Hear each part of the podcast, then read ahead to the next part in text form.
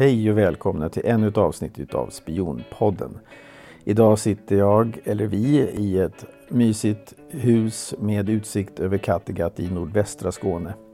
Och bredvid mig, som min gäst, sitter ingen mindre än min kära moster Monica Ekström, 86 år. Välkommen! Hej! Det är otroligt spännande att uh, ha dig som gäst. Lite nervöst faktiskt. Du är ju inte med i podden enbart för att du är min moster utan även för att du faktiskt var gift med uh, militärattachén Bengt Ekström. Försvarsattaché heter det. Ja, det ser man. Uh, vad är det för skillnad? Vet du det? Då är man för alla vapenslagen. Ja. Armé, flottan och flyget. Okej. Okay. Jag läser från hemsidan framtid.se. En försvarsattaché är en officer placerad vid en diplomatisk beskickning som oftast är en ambassad eller ett konsulat hos en främmande stat med uppgift att följa med denna stats militära förhållanden och meddela hem sina erfarenheter. Det kan även ingå i uppgifterna att stödja den egna försvarsindustrin samt stödja de bilaterala förhållandena de olika ländernas försvarsmakter emellan. En försvarsattaché kan komma ur vilken som helst av de svenska försvarsgrenarna och ska inte förväxlas med militärattaché som alltid kommer ur armén. Vid vissa ambassader har varje försvarsgren sin egen attaché. I dessa fall används termerna militär eller arméattaché, marinattaché samt flygattaché. Monica, med tanke på vilken podcast det här är så tänkte jag vara lite oförskämd eh, och börja med att fråga dig, vem var överste Bengt Ekström?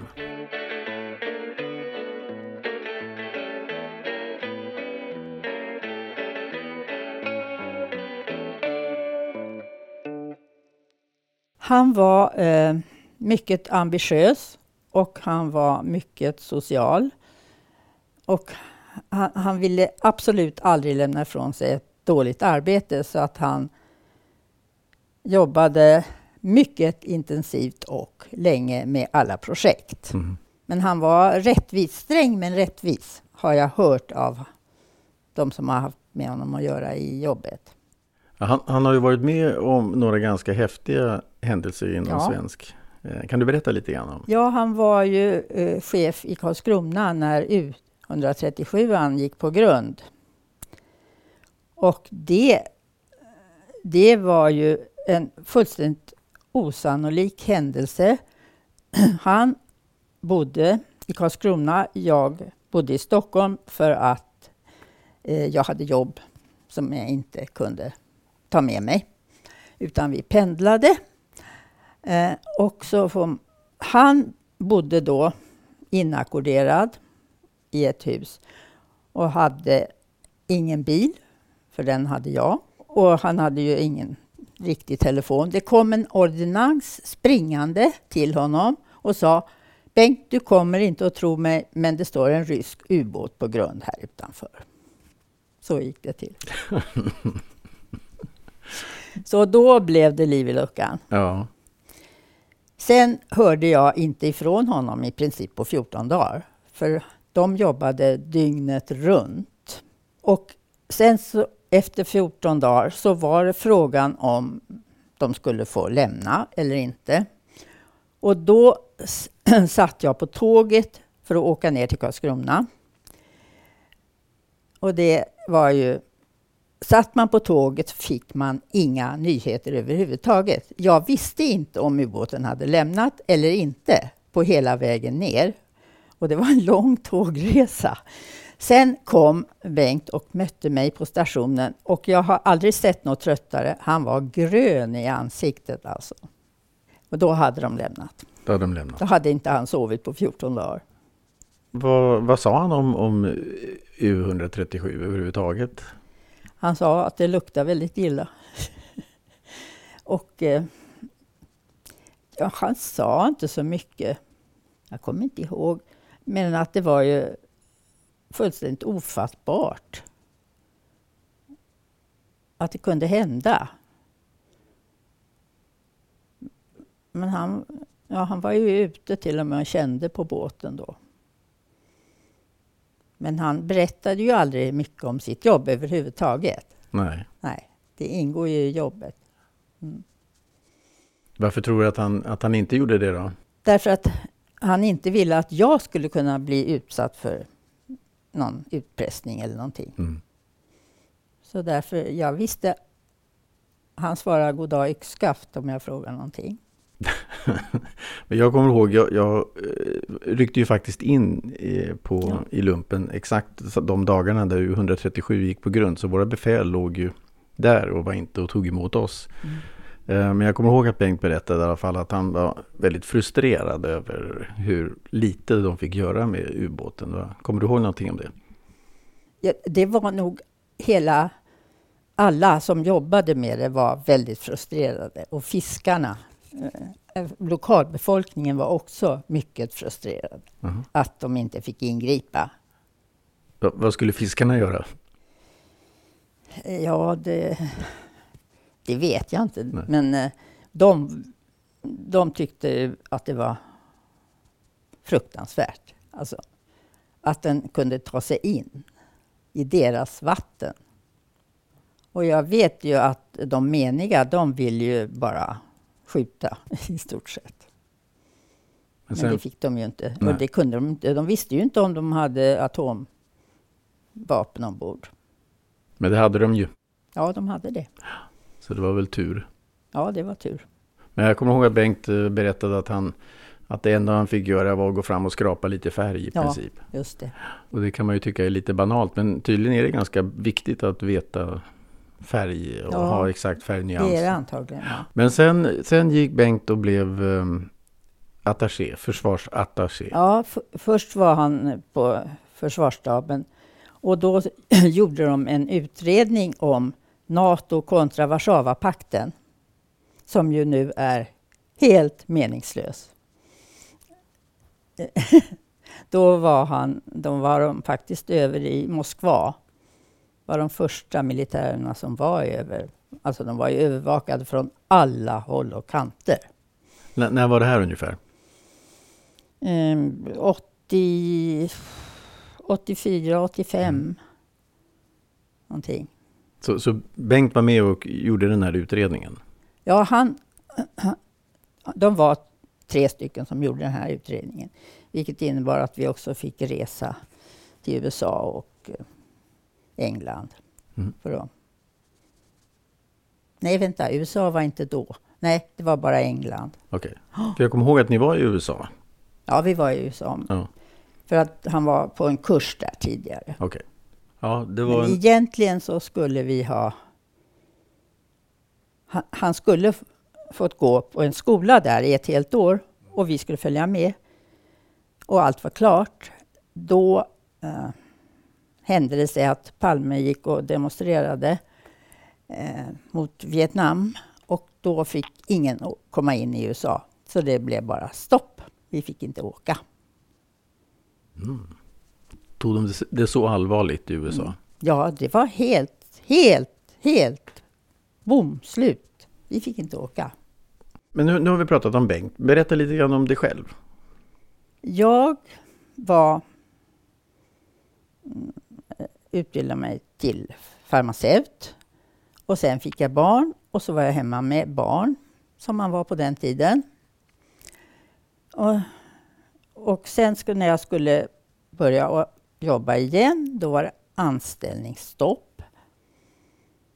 Hela apoteksvärlden. Och så småningom fick jag via landstinget komma in och vikariera på sjukhusapotek. Och jag hade fått min första riktigt fasta anställning när Bengt skulle till Karlskrona. Mm.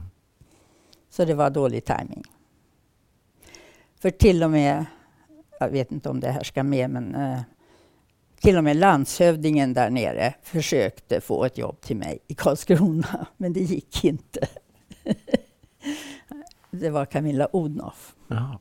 som var landshövding. Ja. Så vi pendlade och det var inte så exklusiv pendling utan det var tåg som man bytte en gång och så var det sittvagn och då var det fyra platser bredvid varandra. Så när en vände blad i tidningen så vände de andra också blad.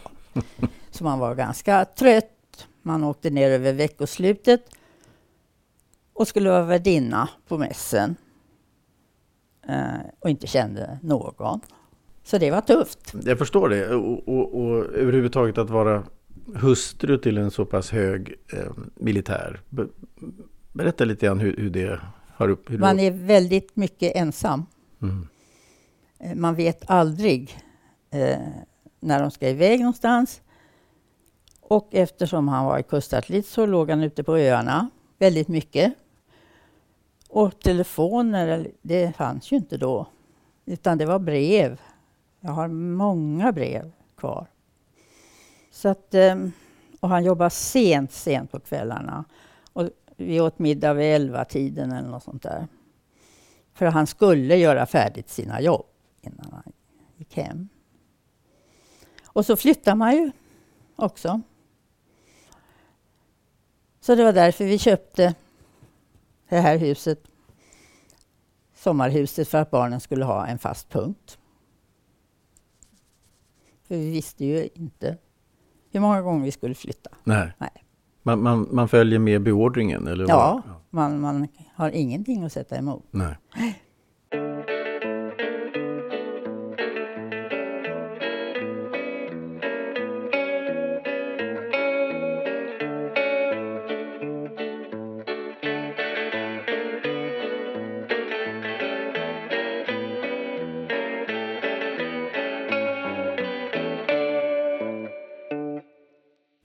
Och så blev Bengt, och, och det här kommer jag ihåg att du blev väldigt glad över, försvarsattaché i Oslo. Ja, för då hade vi ett jobb tillsammans. För det är ett jobb för två. Berätta.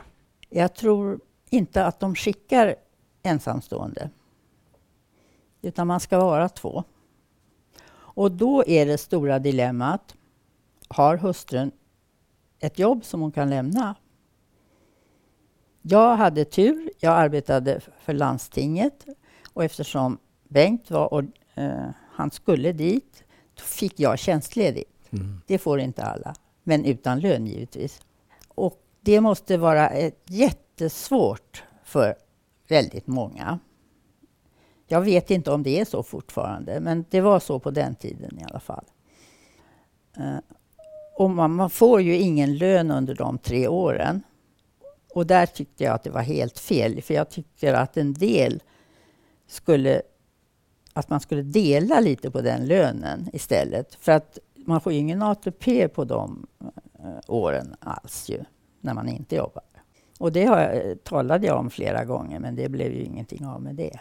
Så det blir ju väldigt liten pension ja. till slut. Uh, det är en nackdel. Mm. Annars så vi har ju aldrig träffat så mycket som vi gjorde då. Man måste vara väldigt social. Man måste kunna anpassa sig till nya situationer hela tiden på nolltid. Man får vara, jag åtminstone fick vara med om otroligt mycket som jag är så tacksam för. För det hade jag aldrig fått göra annars. Jag har sett hela Norge både från luften och från havet. Fått vara med och träffa väldigt många intressanta människor. Mm. Och det var en stor fördel. Men det är nog olika, för det var ju så få attachéer eh, mot vad det är till exempel i London eller New York. Så att vi lärde känna varandra allihop. Så vi har ju fortfarande brevväxlat efteråt. Och vi blev ju som kompisar mera. Men sen hade jag fördelen också att norrmän och vi är så nära varann. Så vi, vi umgicks ju precis på samma sätt som vi gör hemma. Mm. Nej, jag hade mitt livs bästa tre år. Men vad gör en, en försvarsattaché egentligen? Ja, intelligence är det ju. De eh, ska ju försöka så mycket som möjligt snappa upp vad som händer. Och det är väl lättare med ett broderland att få reda på. Men eftersom de var med i Nato och Sverige inte är med i Nato så när det var föredragningar så fick ju inte eh, Bengt vara med när det var för Nato. Men då fick han ändå reda på det ändå, vad de hade sagt och sådär. Ja. Det vet jag i alla fall. Ja. Ja. Berätta lite grann om, om vad du var med om. Kommer du ihåg något speciellt? Ja, alltså en gång om året var det en veckas res, rundresa i Norge Mm. med alla attachéerna. Och då, när du säger alla attachéer, Ja, då är det med fruar. fr- från olika länder? Ja, från Okej. olika länder. Mm. Så då, med buss. Så, och då... Det var, ju, det var ju det som lyfte. Mm. Och annars så... Man gick ju mera på middagar än, än på mottagningar. Men du har berättat någon gång om någon, ins- någon något, när du, du var ensam med Bengt i någon hytte någonstans. Ja, och det var spännande. Att eh, vi hade träffat en rysk eh, hjärnkirurg. Alltså han hade ursprung från Vitryssland men han var utbildad i Sverige och jobbade i Norge. Um, och han, vi träffade honom någonstans och sen ringde han en dag och frågade om vi ville komma ut och äta lunch på hans hytte. Och det lät ju väldigt spännande. Och då sa han att ja, uh, ni, eh, sista biten eh, är över en sjö, så då kommer jag och hämtar er. Och det, detta var precis efter händelsen på Himmelska fridens torg. Eh, så att det där med kineser var inte, skulle man egentligen inte umgås med. Men så säger han då, ja, jag har bjudit kinesiska ambassadören också. Jaha, och så tänkte jag, men vi har ju redan tackat ja. Okej, vi åker. Och sen när vi kommer fram då, där han ska hämta oss, så går den eh, holländske ambassadören fram och tillbaks och säger, visste ni att kinesiska ambassadören skulle komma? Ja, jag vet inte vad jag ska göra, säger han. Men han åkte med. Men- jag tror inte att den här eh, ryssen, vad hette han nu igen? Jag kommer inte ihåg vad han hette i förnamn. Eh, det kanske kommer en gång. Eh, han hade nog inte kört den här båten så många gånger. Så att, och fribordet var inte mycket. Så vi tänkte, nu dränker han oss allihopa. Då blir det verkligen diplomatiska eh, kom, fruktansvärda saker. Eh, så då frågade Bengt, ska jag köra båten åt dig? Så fick han göra det. Och sen, det hör till saken att den ryss eh, var mästare på balalaika. Han var en av de bästa i världen. Och så hade han ett piano där mitt ute i urskogen. Och, och så frågade jag, hur har du fått hit det här pianot? Ja, det var en norsk bondmora som lyfte upp det. Det var högt upp. Så då höll han konsert för oss. Och vi åt en trerätters lunch mitt ute i ödemarken. Alltså jag nöp mig i armen för jag trodde det här kan inte vara sant. Men sen gick eh, kinesen och då blev stämningen lite bättre. Hur kom han därifrån då? Jag vet inte hur de gjorde faktiskt. Nej, det var en spännande... Jag har ett svagt minne av att du berättar att, att alla männen åker ut med båten och du står kvar. Nej, Nej, nej. nej. Nej, okej. det Då var var det inte. kanske det där med kinesen som försvann. Ja, det var kinesen som försvann. Ja, men det, alltså det var inte förbjudet att träffa... Vi var, för oss var det inte förbjudet, men, man, men det var väldigt spännande.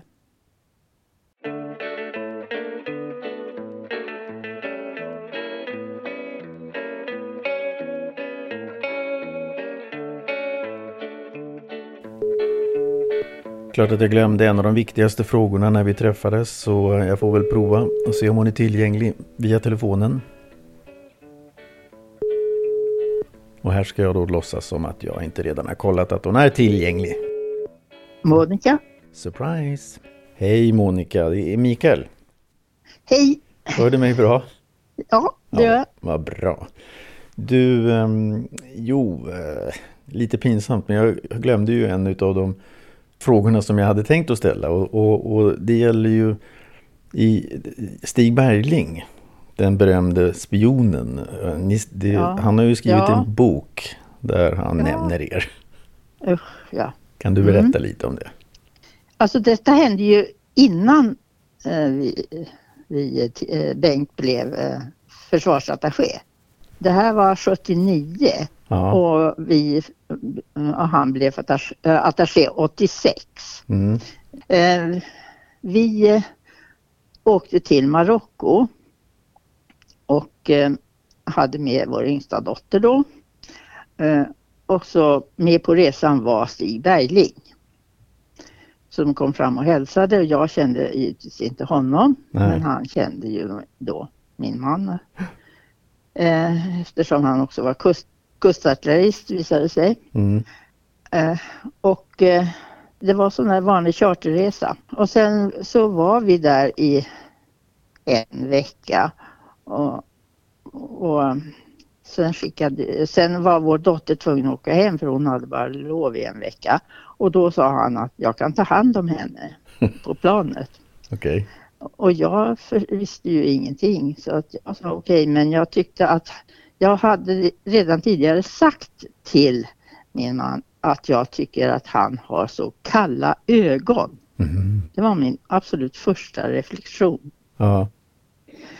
Eh, och sen så, så var jag nere, det här var no, några år efteråt, så var jag nere på biblioteket och, och eh, hittade en bok av Stig Bergling i, och då tar jag givetvis och lånar den. Och, Och- det- får det- en- Det är boken Aldrig, mer, aldrig mera fri tror jag den heter. Bara så att Ja, ja till. just det. Och sätter mig och läser den på terrassen och får en chock. Alltså, det var så, ja, det var så smaklöst och det var påhopp och det var mm, Bengt var namngiven till och med, Ja. eh, hela namnet och eh, det stod att han var så nyfiken på vad vi hade för oss på nätterna så han klättrade, som en apa i trädet utanför vårt fönster för att kunna se vad vi gjorde och så vidare. Och det var så, Och det är alltså i, i Marocko att, han, att, att Stig... ja det är i Marocko. Mm. Okej, så, så Stig Bergling påstår att Bengt var ute och klättrade i träden. Ja, i Marocko för att titta i vad, vad han och hans eh, flickvän hade för sig då. Och i efterhand har jag ju då förstått att han var utsänd för att bevaka honom men det hade jag ju ingen aning om för jag fick ju aldrig reda på någonting. Eh, Han sa, eh, Bengt sa ju aldrig till mig någonting som hade med jobbet att göra. Så om jag förstår det hela rätt så, så Bengt skickas med- alltså till Egypten för att bevaka Stig Nej, Bergling. Marocko. Ja, Eh, Marocko. förlåt, att Bengt skickas till Marocko för att bevaka Stig Bergling och då åker hela familjen med. Ja, ett av, ett av barnen. Ett av barnen, okej. så du och, och min kusin Tasse åker med.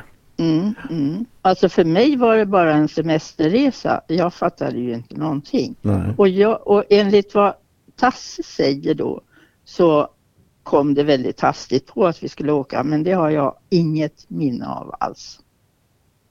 Eh, Så, så ni, jag måste bara, eftersom det här gäller min, min kusin.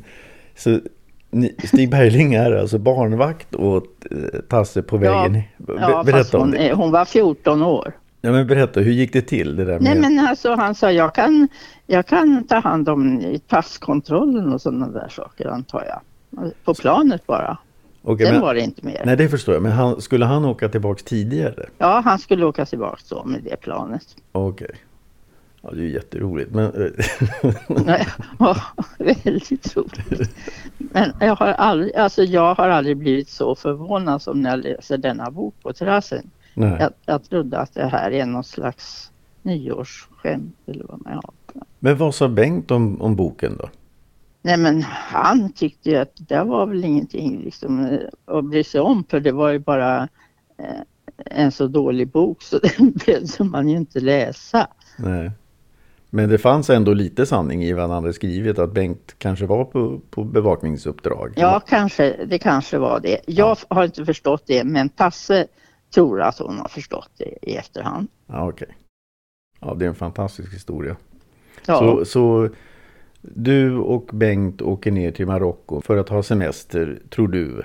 Eh, men i själva verket så ska Bengt bevaka Stig Berling, vår berömde spion. Och eh, han tar dessutom, till råga på allt, tar dessutom hand om eh, mm. Tasse lite grann på vägen tillbaka. Ja, ja.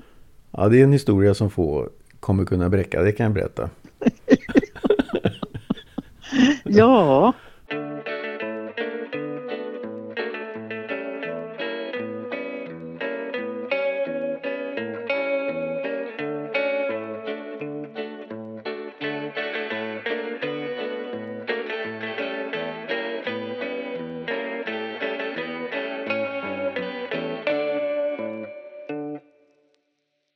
När man, när man håller på med podden så hör man ju att det finns något som heter laglig underrättelse och så finns det ja. olaglig underrättelse. Mm. Den lagliga är ju attachéerna. Mm. Eh, ja. som, som alla vet om att de finns mm. och man gör så mycket mm. man kan. Men, men sen finns det de här som är olagliga. Eh, speciellt ryssarna har, har, ju haft det ganska mycket i Sverige. Men, men, och Bengt jobbade ju med den lagliga inhämtningen. Ja. Men man, han, man visste ju inte vem av de som tillhörde KGB till exempel. Man visste ju att det var någon. Och det var inte den som hade den högsta rangen utan det kanske var någon av dem som hade lägre rang. Eh, så att där fick man ju verkligen hålla tand för tunga. Men då upplevde jag, vi var bjudna på, på bal här i Sverige. Ja, det var när vi kom hem när han var chef för eh, de utländska attachéerna i Stockholm. Och vi bjudna eh, till eh, jag kommer inte ihåg om det var ÖB eller om det var försvarsministern på Karlberg. Mm. Och då hade jag en rysk general till bordet. Och sen skulle vi sätta oss efter maten, skulle vi sätta oss. Och sen satt, eh, satt jag bredvid ryssen och sen satt en amerikan vid min andra sida. Och plötsligt så ställer sig ryssen upp och, och frågar amerikanen varför gjorde ni så, så här? Och jag tänkte, hjälp, nu sitter jag mitt i kalla kriget här. Alltså det var rikt, han, var, han var så arg. Han var riktigt rasande. Och jag tänkte, hjälp, vad ska jag göra? Men, och då sa amerikanen, jag förstår inte, vad pratar du om? Vi har inte gjort det någonting. Jo då, det har ni. Så det var ju lite, lite spänning i luften. Har du tränat på att agera inför sådana situationer? Nej, men träna på vad man inte ska prata om mm. Eh, har man ju gjort. Jag bara prata lite med alla, men inte gå in på några djupare resonemang. Vad är det man inte ska prata om då? Ja, det är väl politik. Inte jag i alla fall. Jag skulle ju inte prata politik. Det gjorde jag inte heller. Men, men varför? varför? Förklara varför det är viktigt att du inte pratar politik. Därför då blir det ju väldigt dålig stämning. Och då sägs, sägs det nog ännu mindre, tror jag. För det är väl ingen som svarar på det. De flesta visste man ju att de var på, att de tillhörde Nato eller motsvarande. Och sen var det ju några som var från järn, bakom järnridån. Då. För det var ju precis innan järnridån föll. Vi åkte hem 89. Så det var ju fortfarande Sovjetunionen då. Under den mest, mest, nästan turbulenta tiden? Eh. Ja, det var det. Var det. Ja. Har du själv upplevt att du har... Ja, alltså jag kan säga att ibland sa folk saker till mig som jag tror att de ville att jag skulle säga till Bengt. Jag vet inte, men jag tror det. Mm. Gjorde du det? Mm? Gjorde ja, du det, det gjorde jag. Mm. Det gjorde jag. Alltid. Upplevde du någon gång att, att folk frågade eller sa saker för att kanske inte provocera men provocera nej, fram? Det gjorde, nej, det gjorde jag inte. Upplevde du någon gång eh, att det var någon som försökte kanske värva dig på något sätt? Nej, men det tror jag däremot att Bengt upplevde. För det sa han. Man kände det där lite handtryckningen eller något. Det är därför man ska ha sin fru med sig. För annars så är det större risk att man eh, faller för de här, att de lockar med någon dam någonstans eller något. Så att, eh, ja, men jag upplevde aldrig det. Kommer du ihåg något speciellt tillfälle som Bengt berättade om? Nej, jag vet inte när det var. Och jag vet ju att ryssarna fick ju aldrig vara en bara när de umgicks med, eh, med någon. Utan det skulle alltid vara två, åtminstone. Så den ena kunde passa på den andra. Det, det vet jag bestämt. Och på en resa som vi var någonstans i mellersta Norge, uppe i, på något fjällhotell, väldigt fint, så skulle vi gå ut och gå på natten. Eh, och då var det en ryss faktiskt som var ensam. Det var enda gången han var ensam. Då gick han med. Och då gick de, var de alltid två på grund av att man skulle passa på den andra? På varandra, ja. Okay. Mm. Mm. Lite annorlunda. Men jag kunde ju aldrig tala med fruarna för ingen kunde ju prata engelska. De pr pratade bara ryska. Och det var likadant med polacken. Ja, tyvärr var det en finsk attaché som hade en finsktalande fru och det är inte heller så lätt. Nej. eh, ja, det är inget språk som man lär sig i en handvändning. Nej, inte för jag vill säga att min engelska är så strålande, men, men till slut så, så la jag in norska ord i engelskan för att de hade ju försökt lära sig norska. Och tyvärr fortsatte jag med det när jag kom hem i Sverige och skulle prata med någon som var dålig på, Eh, på engelska, så började jag lägga in norska ord istället.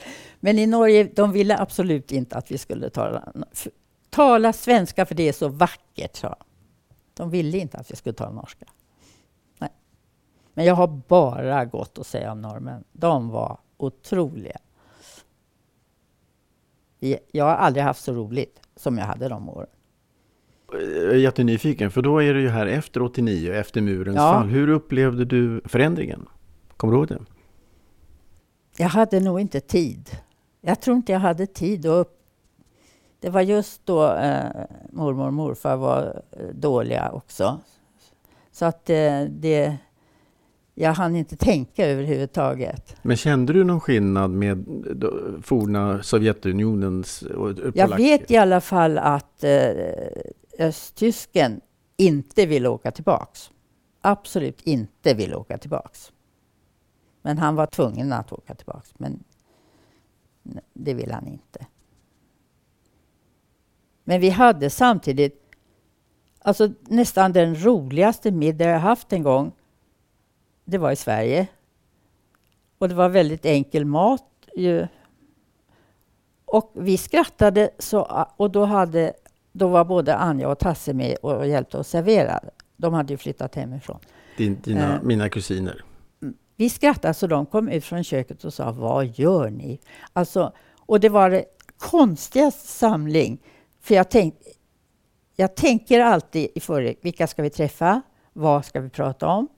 vad har de för intresse? Jag förberedde mig alltid lite sådär, att man skulle ha någonting.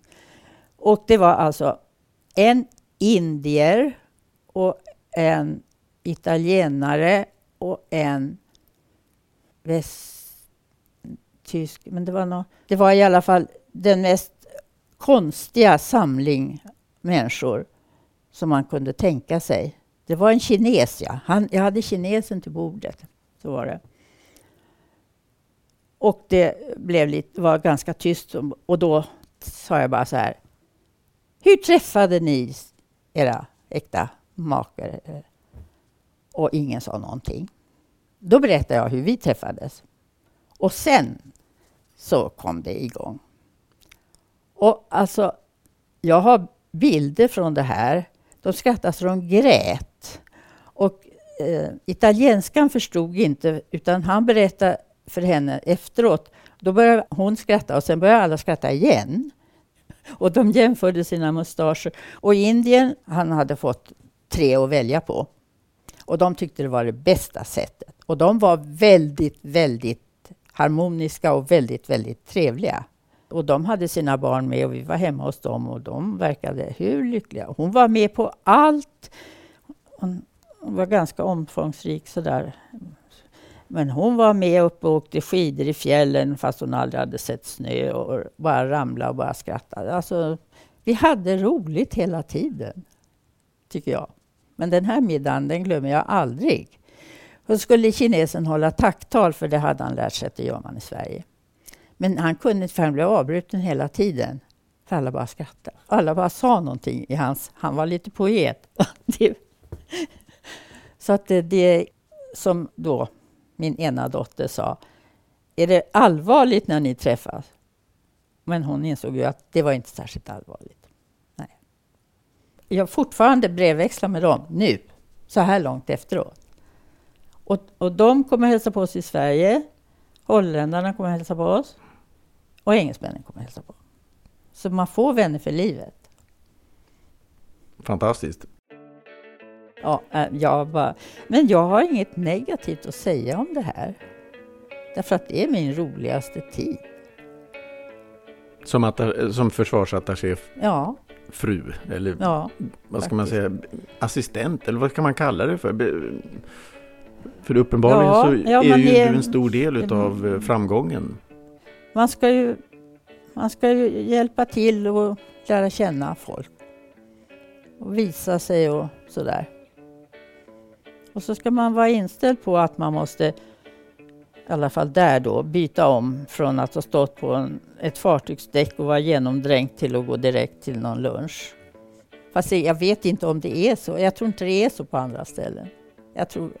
Okej, okay, du menar att det här var speciellt för Norge? Ja, okay. jag tror det. Eh, det här tycker jag var ett härligt avslut på det här avsnittet. Eh, jag tackar dig så jättemycket Monica Ekström. Tack. Vi hörs.